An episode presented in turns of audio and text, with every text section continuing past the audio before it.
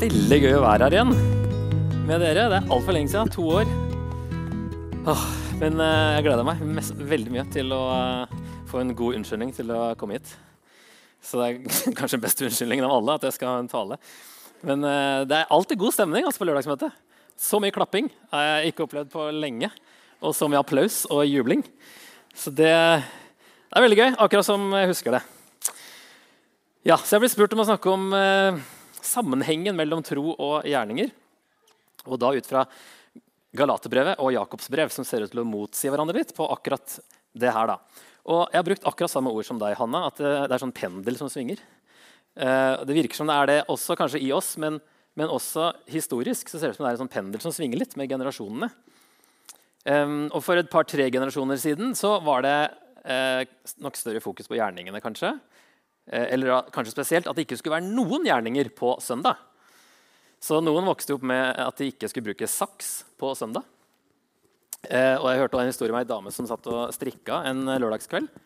Eh, og så oppdaga plutselig at klokka hadde blitt sånn fire over tolv. Det hadde blitt søndag. Og da eneste hun kunne gjøre da, var å annullere det arbeidet, så hun rekka opp igjen det hun hadde strikka de siste fire minuttene. og jeg vokste, jeg er litt eldre enn dere, da, lite grann. Uh, selv om det ikke kjennes sånn ut akkurat nå. Men jeg vokste opp litt i overgangen tror jeg, fra den generasjonen og inn i den neste. Um, jeg husker jeg spurte mora mi om det var synd å, å jobbe på søndager. Veldig sånn mye S her, er det greit, eller? Er det bare jeg som hører masse S-ene? Ja, ok. Um, og så spurte, eller Jeg lurte også på om barnedåpen min holdt. Uh, og På videregående så var det noen Smiths venner som eh, påsto veldig hardnakka at eh, kino det var synd uansett. liksom. Og Litt etter det så husker jeg så en film hjemme sammen med noen kamerater. Og hver gang det kom et banneord i filmen, så hviska jeg et unnskyld til Gud. etter hvert så var det ganske mange ganger. Så jeg hadde litt sånn dårlig samvittighet etter den uh, filmen.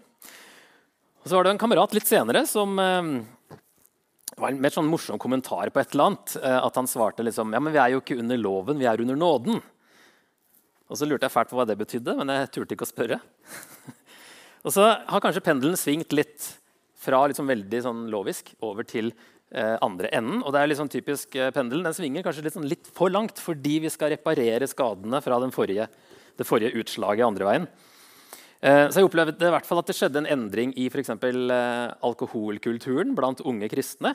Hvor man da plutselig kunne bli latterliggjort hvis man ikke drakk. Og Det var liksom sånn, nytt og litt rart. Og så har det vært mye fokus på at Gud er kjærlighet, han er en kul kompis. Og han elsker deg uansett. Og det er sant. Men betyr at vi kan gjøre som vi vil, og at ingenting spiller noen rolle nå som vi er under nåden?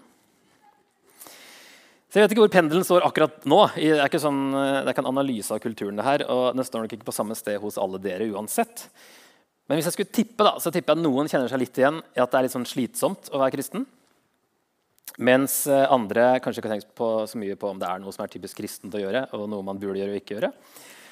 Og Om du ikke kjenner deg inn i noen av de, så lurer du kanskje uansett litt på hvor er balansen her mellom tro og gjerninger. Hvordan skal vi eh, forholde oss til det?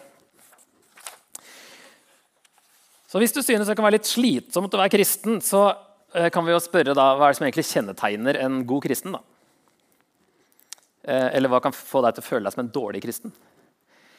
Eller eh, hva tenker du da av sånne typiske kristne ting man kan gjøre? At, hva som skal til da, for å være i kategorien god kristen?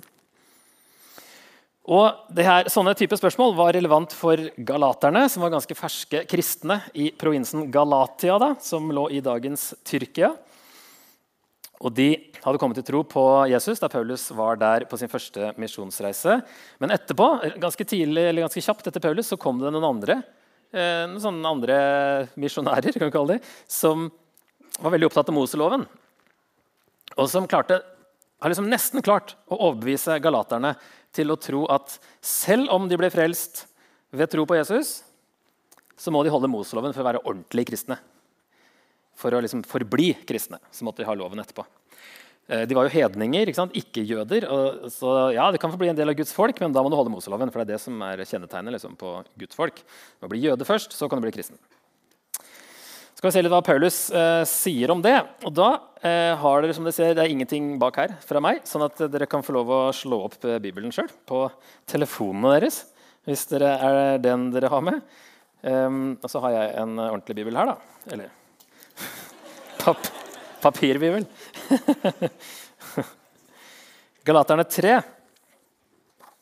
eh, fra starten der.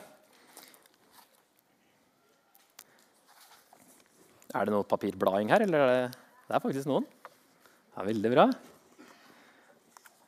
Tar, litt, det litt sånn på gamlemåten. Ok, Galaterne 3.1. Uforstandige galatere! Hvem har forhekset dere? Dere som har fått Jesus Kristus malt for øynene som den korsfestede. Svar meg på én ting. Fikk dere ånden ved lovgjerninger eller ved å høre og tro? Er dere så uforstandige?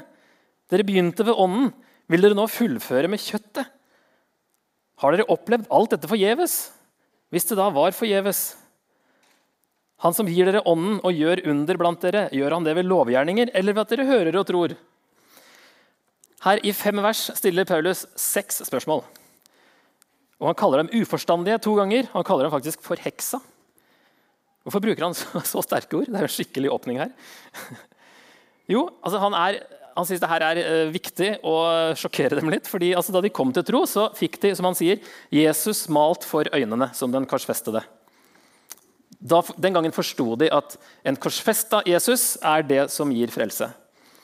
Men nå lurer de på om de må holde Moseloven for å være ordentlig kristne. Så kort tid etter at Paulus var der. Og Det er så, så sjokkerende for Paulus at han lurer på om de nesten har blitt forheksa. Tror de at Gud ga dem ånden, sin ånd da de kom til tro, uten at de hadde engang hørt om Moseloven, kanskje. Mens nå er ikke den samme ånden nok til å få dem til å leve rett og leve etter Guds vilje etter de er blitt frelst. Svar meg på én ting. Fikk dere ånden ved lovgjerninger eller ved å høre og tro?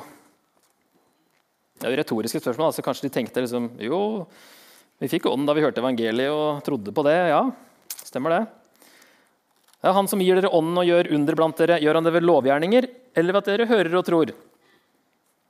Nei, det er vel at vi hører og tror det òg, da. Så Han argumenterer bare ut fra deres erfaring her, og bare med spørsmål. Ganske interessant.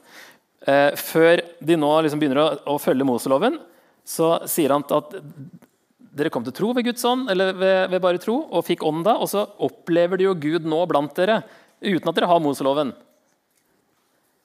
Så hvis de tenker seg litt om, så har ikke frelsen deres hatt noe med Moseloven å gjøre. Og det de opplever nå, har heller ingenting med lovgjerninger å gjøre. Alt har bare med ånden å gjøre. Så da er det egentlig ganske ulogisk å tenke at lovgjerninger skulle hjelpe på noe som helst. Er dere så uforstandige? Dere begynte ved ånden. Vil dere nå fullføre med kjøttet? Og I den forrige oversettelsen så sto det at dere begynte ved ånden, vil dere nå fullføre med menneskeverk. Og Det forklarer ganske godt hva Paulus mener med kjøttet.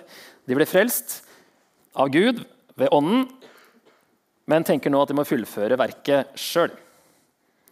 Menneskeverk etter at de nå ble frelst. Altså fullføre frelsen av egen kraft. Vise Gud at de fortjener å være frelst. Så Først så svarer Paulus med masse spørsmål, og så backer han det opp med et argument fra Gammeltestamentet i de neste to versene om Abraham. Vers 6 og 7. Om Abraham heter det han trodde Gud, og derfor regnet Gud ham som rettferdig. Så forstår dere at det er de som tror, som er Abrahams barn. Så Her eh, henter Paulus et sitat fra 1. Mosebok 15, der Gud lover Abraham, som er barnløs og gammel, egentlig altfor gammel til å få barn, Gud sier han skal få etterkommere like mange som stjernene på himmelen. Og I den forbindelsen så står det der at Abraham trodde Gud, og derfor regnet Gud ham som rettferdig. Han stolte på at det løftet det skulle Gud holde, og derfor ble han regna rettferdig. Og det, rettferdig det er et ord som dukker opp i Bibelen mange ganger. Det betyr ikke sånn som unger snakker om urettferdig og rettferdig. og sånt. Det brukes sånn også, Men her er det snakk om rettferdiggjøre. Ehm, det var et uttrykk fra rettssalen, faktisk, et juridisk uttrykk, som man da, når man eh, ble erklært uskyldig Da ble man rettferdiggjort. Så det kan oversettes da frifunnet eller erklært ikke skyldig eller frelst. Så Paulus viser her at allerede så tidlig som Abraham så ble man erklært ikke skyldig, basert på tro og ikke på lovgjerninger. For Abraham levde jo mange hundre år før loven kom. Så det var jo i hvert fall ikke noe loven her. Det var bare fordi han trodde på Gud. Han stolte på Gud. Så frelsen har alltid kommet an på tro. Både før Moseloven og under Moseloven også. Og nå etter Moseloven. Så Derfor går Paulus videre med å si da, i vers 7 her, at eh, så forstår dere at det er de som tror, som er Abrahams barn. Ikke bare etniske jøder er Abrahams biologiske etterkommere, men alle som tror, er Abrahams åndelige barn og blir frelst på samme måte som Abraham ble. Og Moseloven, som kom etter Abraham, har egentlig ingenting med saken å gjøre. Så Derfor blir det helt baklengs å begynne med Moseloven og lovgjerninger nå etter Jesus. mener Paulus her da. Som han spurte da i vers 5.: Han som gir dere ånden og gjør under blant dere, gjør han det ved lovgjerninger eller ved at dere hører og tror. Ja, de trenger ikke noe mer enn Guds ånd for å leve livet også etter at man har kommet til tro.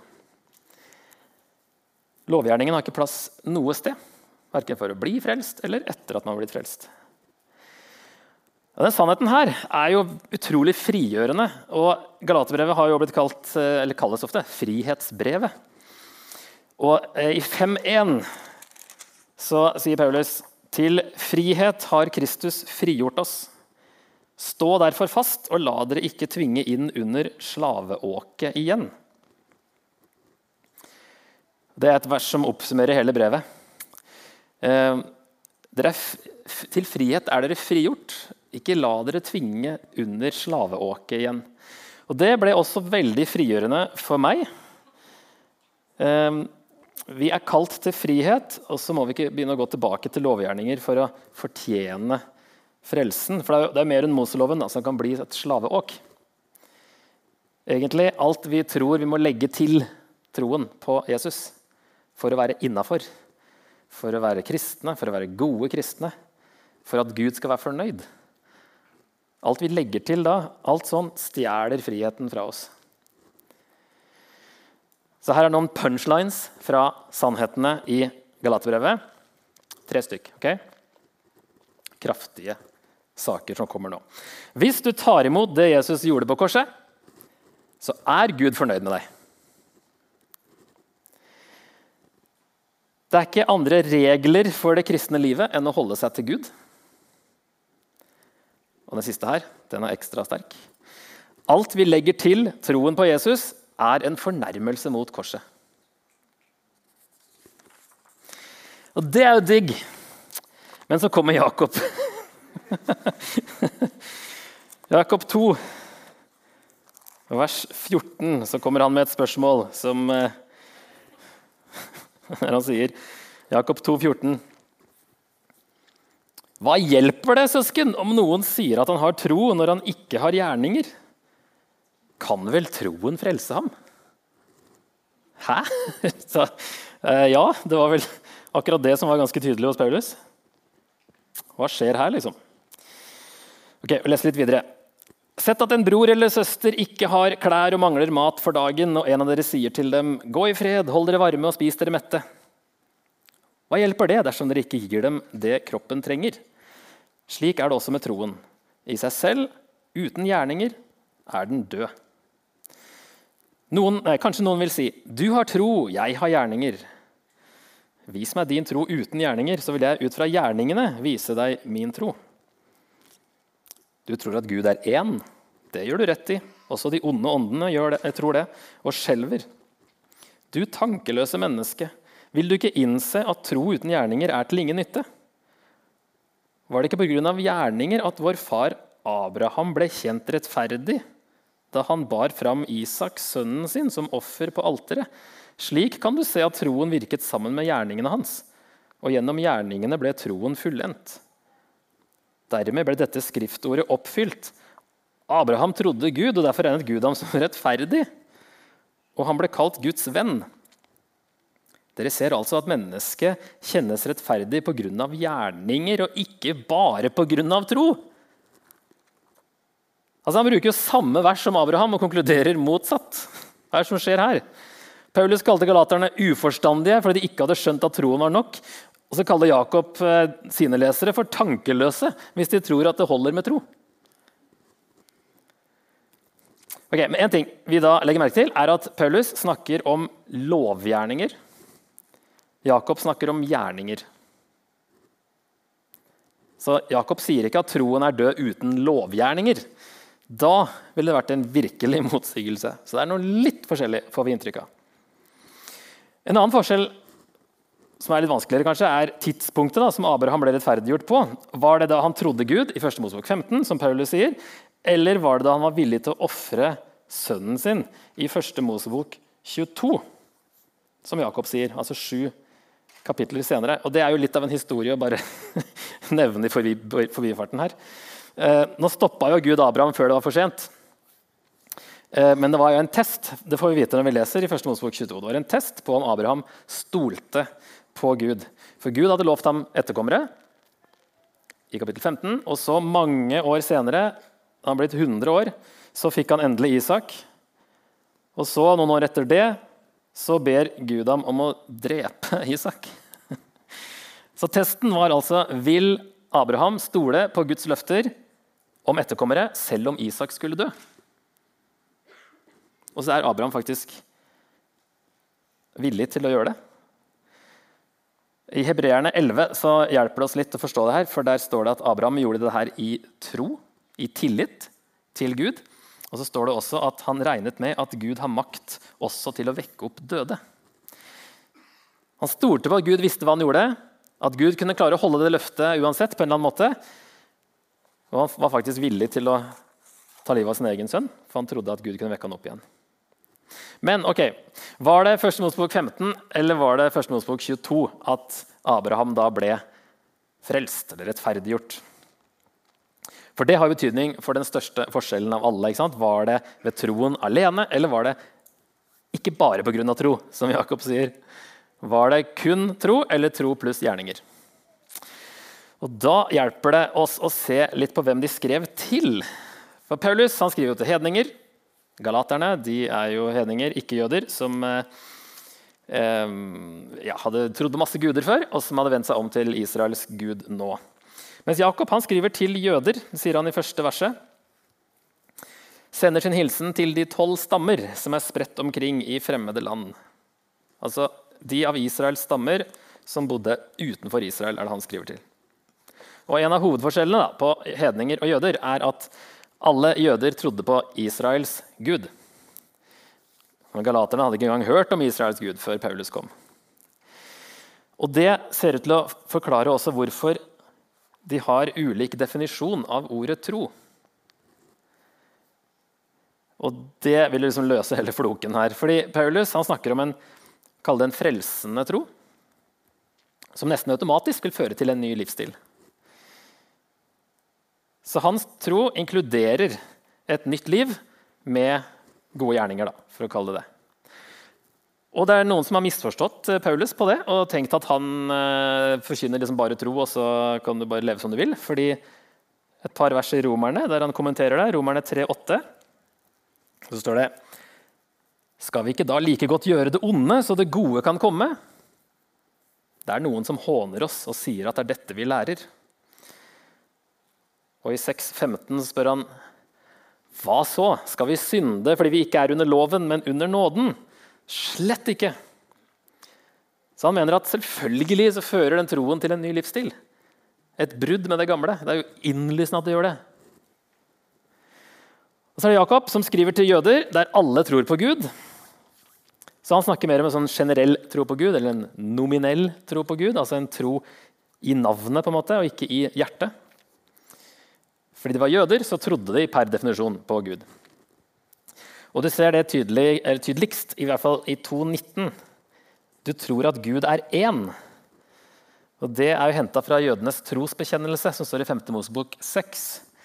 Hør, Israel, Herren er vår Gud, Herren er én. Så Du holder deg til trosbekjennelsen. Du tror at Herren er én. Ja, Det gjør du rett i. Også de onde åndene tror det, sier han Så når han snakker om tro, så er det en tro som til og med de onde åndene har. Og vi tenker vel at vår tro er litt annerledes enn det. Det er ikke samme tro som onde ånder har på Gud. liksom. Um, det er noe mer enn at vi tror at Gud fins. Så mange tror nok at Gud fins uten at det har noe mer konsekvens for livet. Og Derfor vektlegger Jakob gjerningene som bør følge av troen. Og de gjerningene som Paulus tenker på som en selvfølge. Så han må riste, Jakob må riste leserne sine litt, så de ikke bare surfer på at de er jøder og Guds folk uten å leve i tråd med det de tror på. Og han vil sørge for at de ikke oppfattes som hyklere. Som tror en ting, som han sier her. altså ja, um, Gå i fred, hold dere varme og spis dere mette, og så gjør du ingenting med det. Det er litt hyklersk. Og det er jo noen ganger eh, vi også blir beskyldt for å være hyklerske. Så Jakob sier om Abraham at troen virket sammen med gjerningene hans. Og da er det gjerningene i flertall. Det virker som det er mer enn bare denne ene gjerningen når han eh, går med på å ofre Isak. Det er hele livet hans, alle gjerningene der. Som et, et, langt liv i lydighet til Gud, som da når et klimaks i denne hendelsen i 1. Mosebok 22. Sånn at troen ble fullendt og det kan nå oversettes at den ble komplett når eh, det viste seg i livet. Så Poenget er at Jakob vil forklare at troen ikke kan skilles fra hvordan man lever. At en tro som ikke vises i livet, er en død tro til ingen nytte. Men at med gjerninger så blir den komplett. Og Da blir det det som Paulus tenker på når han snakker om tro. Så Tro er ikke bare en intellektuell sak, men det er noe som påvirker hele livet. Det er de veldig enige om, de to. Og Paulus sier faktisk det i Galaterbrevet. Så går tilbake dit. Så sier han ting som egentlig svarer på dette her. Galaterne 6, vers eh, 10. Så la oss gjøre godt mot alle så lenge det er tid. Så han sier da at vi er kalt til frihet og til å gjøre godt mot alle. Og Det poenget er, eh, faktisk dukker opp flere ganger i Bibelen. det. For eksempel, da, I Efeserne så har Paulus i Efeserne 2 forklart at um, det er uh, bare fordi at Gud elska oss at vi i hele tatt uh, er frelst. Bare hans kjærlighet til oss som gjorde at han sendte Jesus. Vi fortjente ingenting. Vi ante ikke engang at han uh, tenkte på å frelse oss, sier Paulus. Og at han har gjort alt som trengs. Så han sier i 2 vers 10.: For vi er hans verk han har gjort alt. Vi er hans verk, skapt i Kristus Jesus til gode gjerninger. Som Gud på forhånd har lagt ferdige for at vi skulle vandre i dem. Og Peter sier det samme i 2. Peter 1,5. Sett derfor all deres iver inn på å la troen føyes sammen med et rett liv. Sett all iver inn på å la troen føyes sammen med et rett liv. Ok, så Poenget i Galaterbrevet er at vi ikke skal trenge å tenke på at vi skal nå opp til en list, noen krav, en standard. Fordi Gud er allerede fornøyd. For han har gjort alt som trengs. Og alt vi kan gjøre, er å ta imot i tro. Og så tenker vi av og til hvordan kan jeg vite at jeg tror nok til å ta imot det her? Vi lager det så komplisert, tror jeg. Så stilte Jakob spørsmålet da, kan vel troen frelse ham. Kan en tro uten gjerninger frelse? Nei, den kan vi ikke. Men er det i det hele tatt troen som frelser? Nei. Hva er det som frelser? Jesus som frelser. Kjempebra. Hør på det sitatet her. Tim Keller. Utrolig bra sitat. Hvis du tror at troen din frelser deg, vil du slutte å se på Kristus og begynne å se på troen, troen din i stedet. Når du ser tvil, vil det ryste deg. Når du ikke føler det så tydelig, vil det bekymre deg. Hva har skjedd? Du har gjort troen din om til en gjerning. Troen er bare det du tar imot frelsen din med. Det er ikke årsaken til at du er frelst. Hvis du ikke ser dette, vil du tro at du har noe å rose deg av. Grunnen til at jeg er frelst, er fordi jeg tror på Jesus. Dette er en hårfin misforståelse som skjærer bort sikkerheten vår og øker stoltheten vår. Og evangeliet gir oss ingen grunn til å rose oss. Derfor forklarer ordet tillit veldig godt hva tro er. Det er å ta imot det Jesus gjorde, i tillit til at det frelser deg. At det at han døde og sto opp igjen, at det faktisk har noe å si for deg. At Gud har sagt at det, det der er frelse. Hvis du tar imot det, da er det tillit. Du bare tar imot. Det er ikke det som frelser deg, det er Jesus som frelser. Så ikke se på troen din, men se på Jesus. Så hvordan skal vi, ja, hvordan skal vi, hvordan skal vi respondere på dette her? Jo, ta imot det. Gled deg i det. Nyt det. Og gi tilbake til Gud det eneste han vil ha, og faktisk det eneste du kan gi tilbake. At du av takknemlighet ønsker å gi ham ære med hvordan du lever. Og I tillegg så er det til og med det beste for deg og det beste for de rundt deg. For en deal! Gud har gjort alt fordi vi skal konsentrere oss om det som han har frelst oss til. Det, det som ligger foran. Ikke gjerninger vi tror Gud krever av oss for at vi skal fortjene frelsen, men gjerninger han ønsker at det nye livet skal inneholde. Så denne takknemligheten for alt han har gjort, det gir oss en kraftig motivasjon for å tjene Gud uten at vi knuses av skyldfølelse. Det er helt genialt. Og det må vi forstå. Med den friheten i bunnen, frihet fra krav og stress og religiøsitet, så kalles vi til å leve ut frelsen. Vi er satt, fra, er satt fri fra stresset om å nå opp til Guds krav og til i stedet, uten skyldfølelse, konsentrere oss om det Gud ønsker skal prege livene våre. Gjøre godt mot alle, som Paulus sier. Og så må vi ikke heller fokusere for mye på hvilke konkrete gjerninger skal jeg gjøre. Hva er de kristne tingene jeg skal gjøre? Det Paulus fokuserer på senere i Galaterbrevet, er åndens frukt. I kapittel 5. Personlighetstrekkene til Jesus, som vil prege oss når han bor i oss ved sin ånd. Kjærlighet, glede, fred, overbærenhet, godhet, vennlighet, godhet Nei, godhet to ganger, ja. Masse godhet. Trofasthet, ydmykhet, selvbeherskelse. Og så vil det føre til gjerninger. Men det er ikke gjerningene vi skal se på heller. Se på Jesus.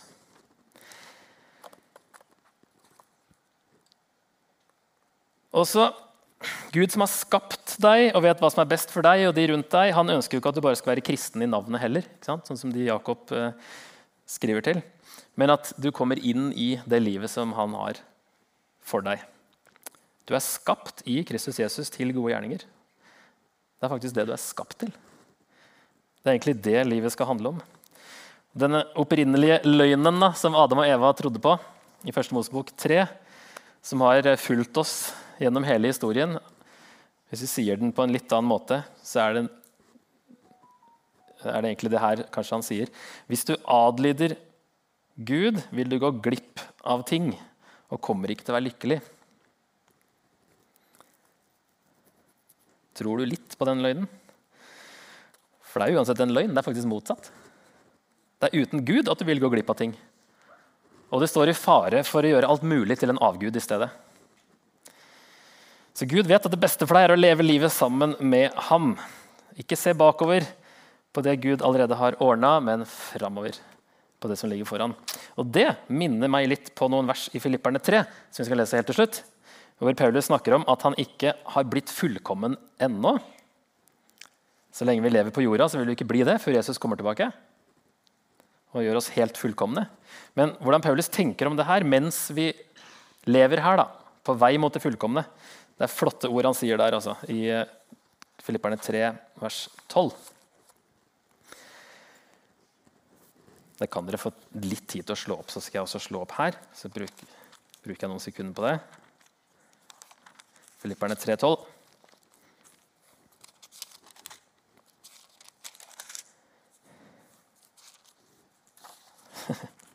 Der var den. Jeg mener ikke at jeg alt har nådd dette, eller alt er fullkommen, men jeg jager fram mot det for å gripe det, fordi jeg selv er grepet av Kristus Jesus.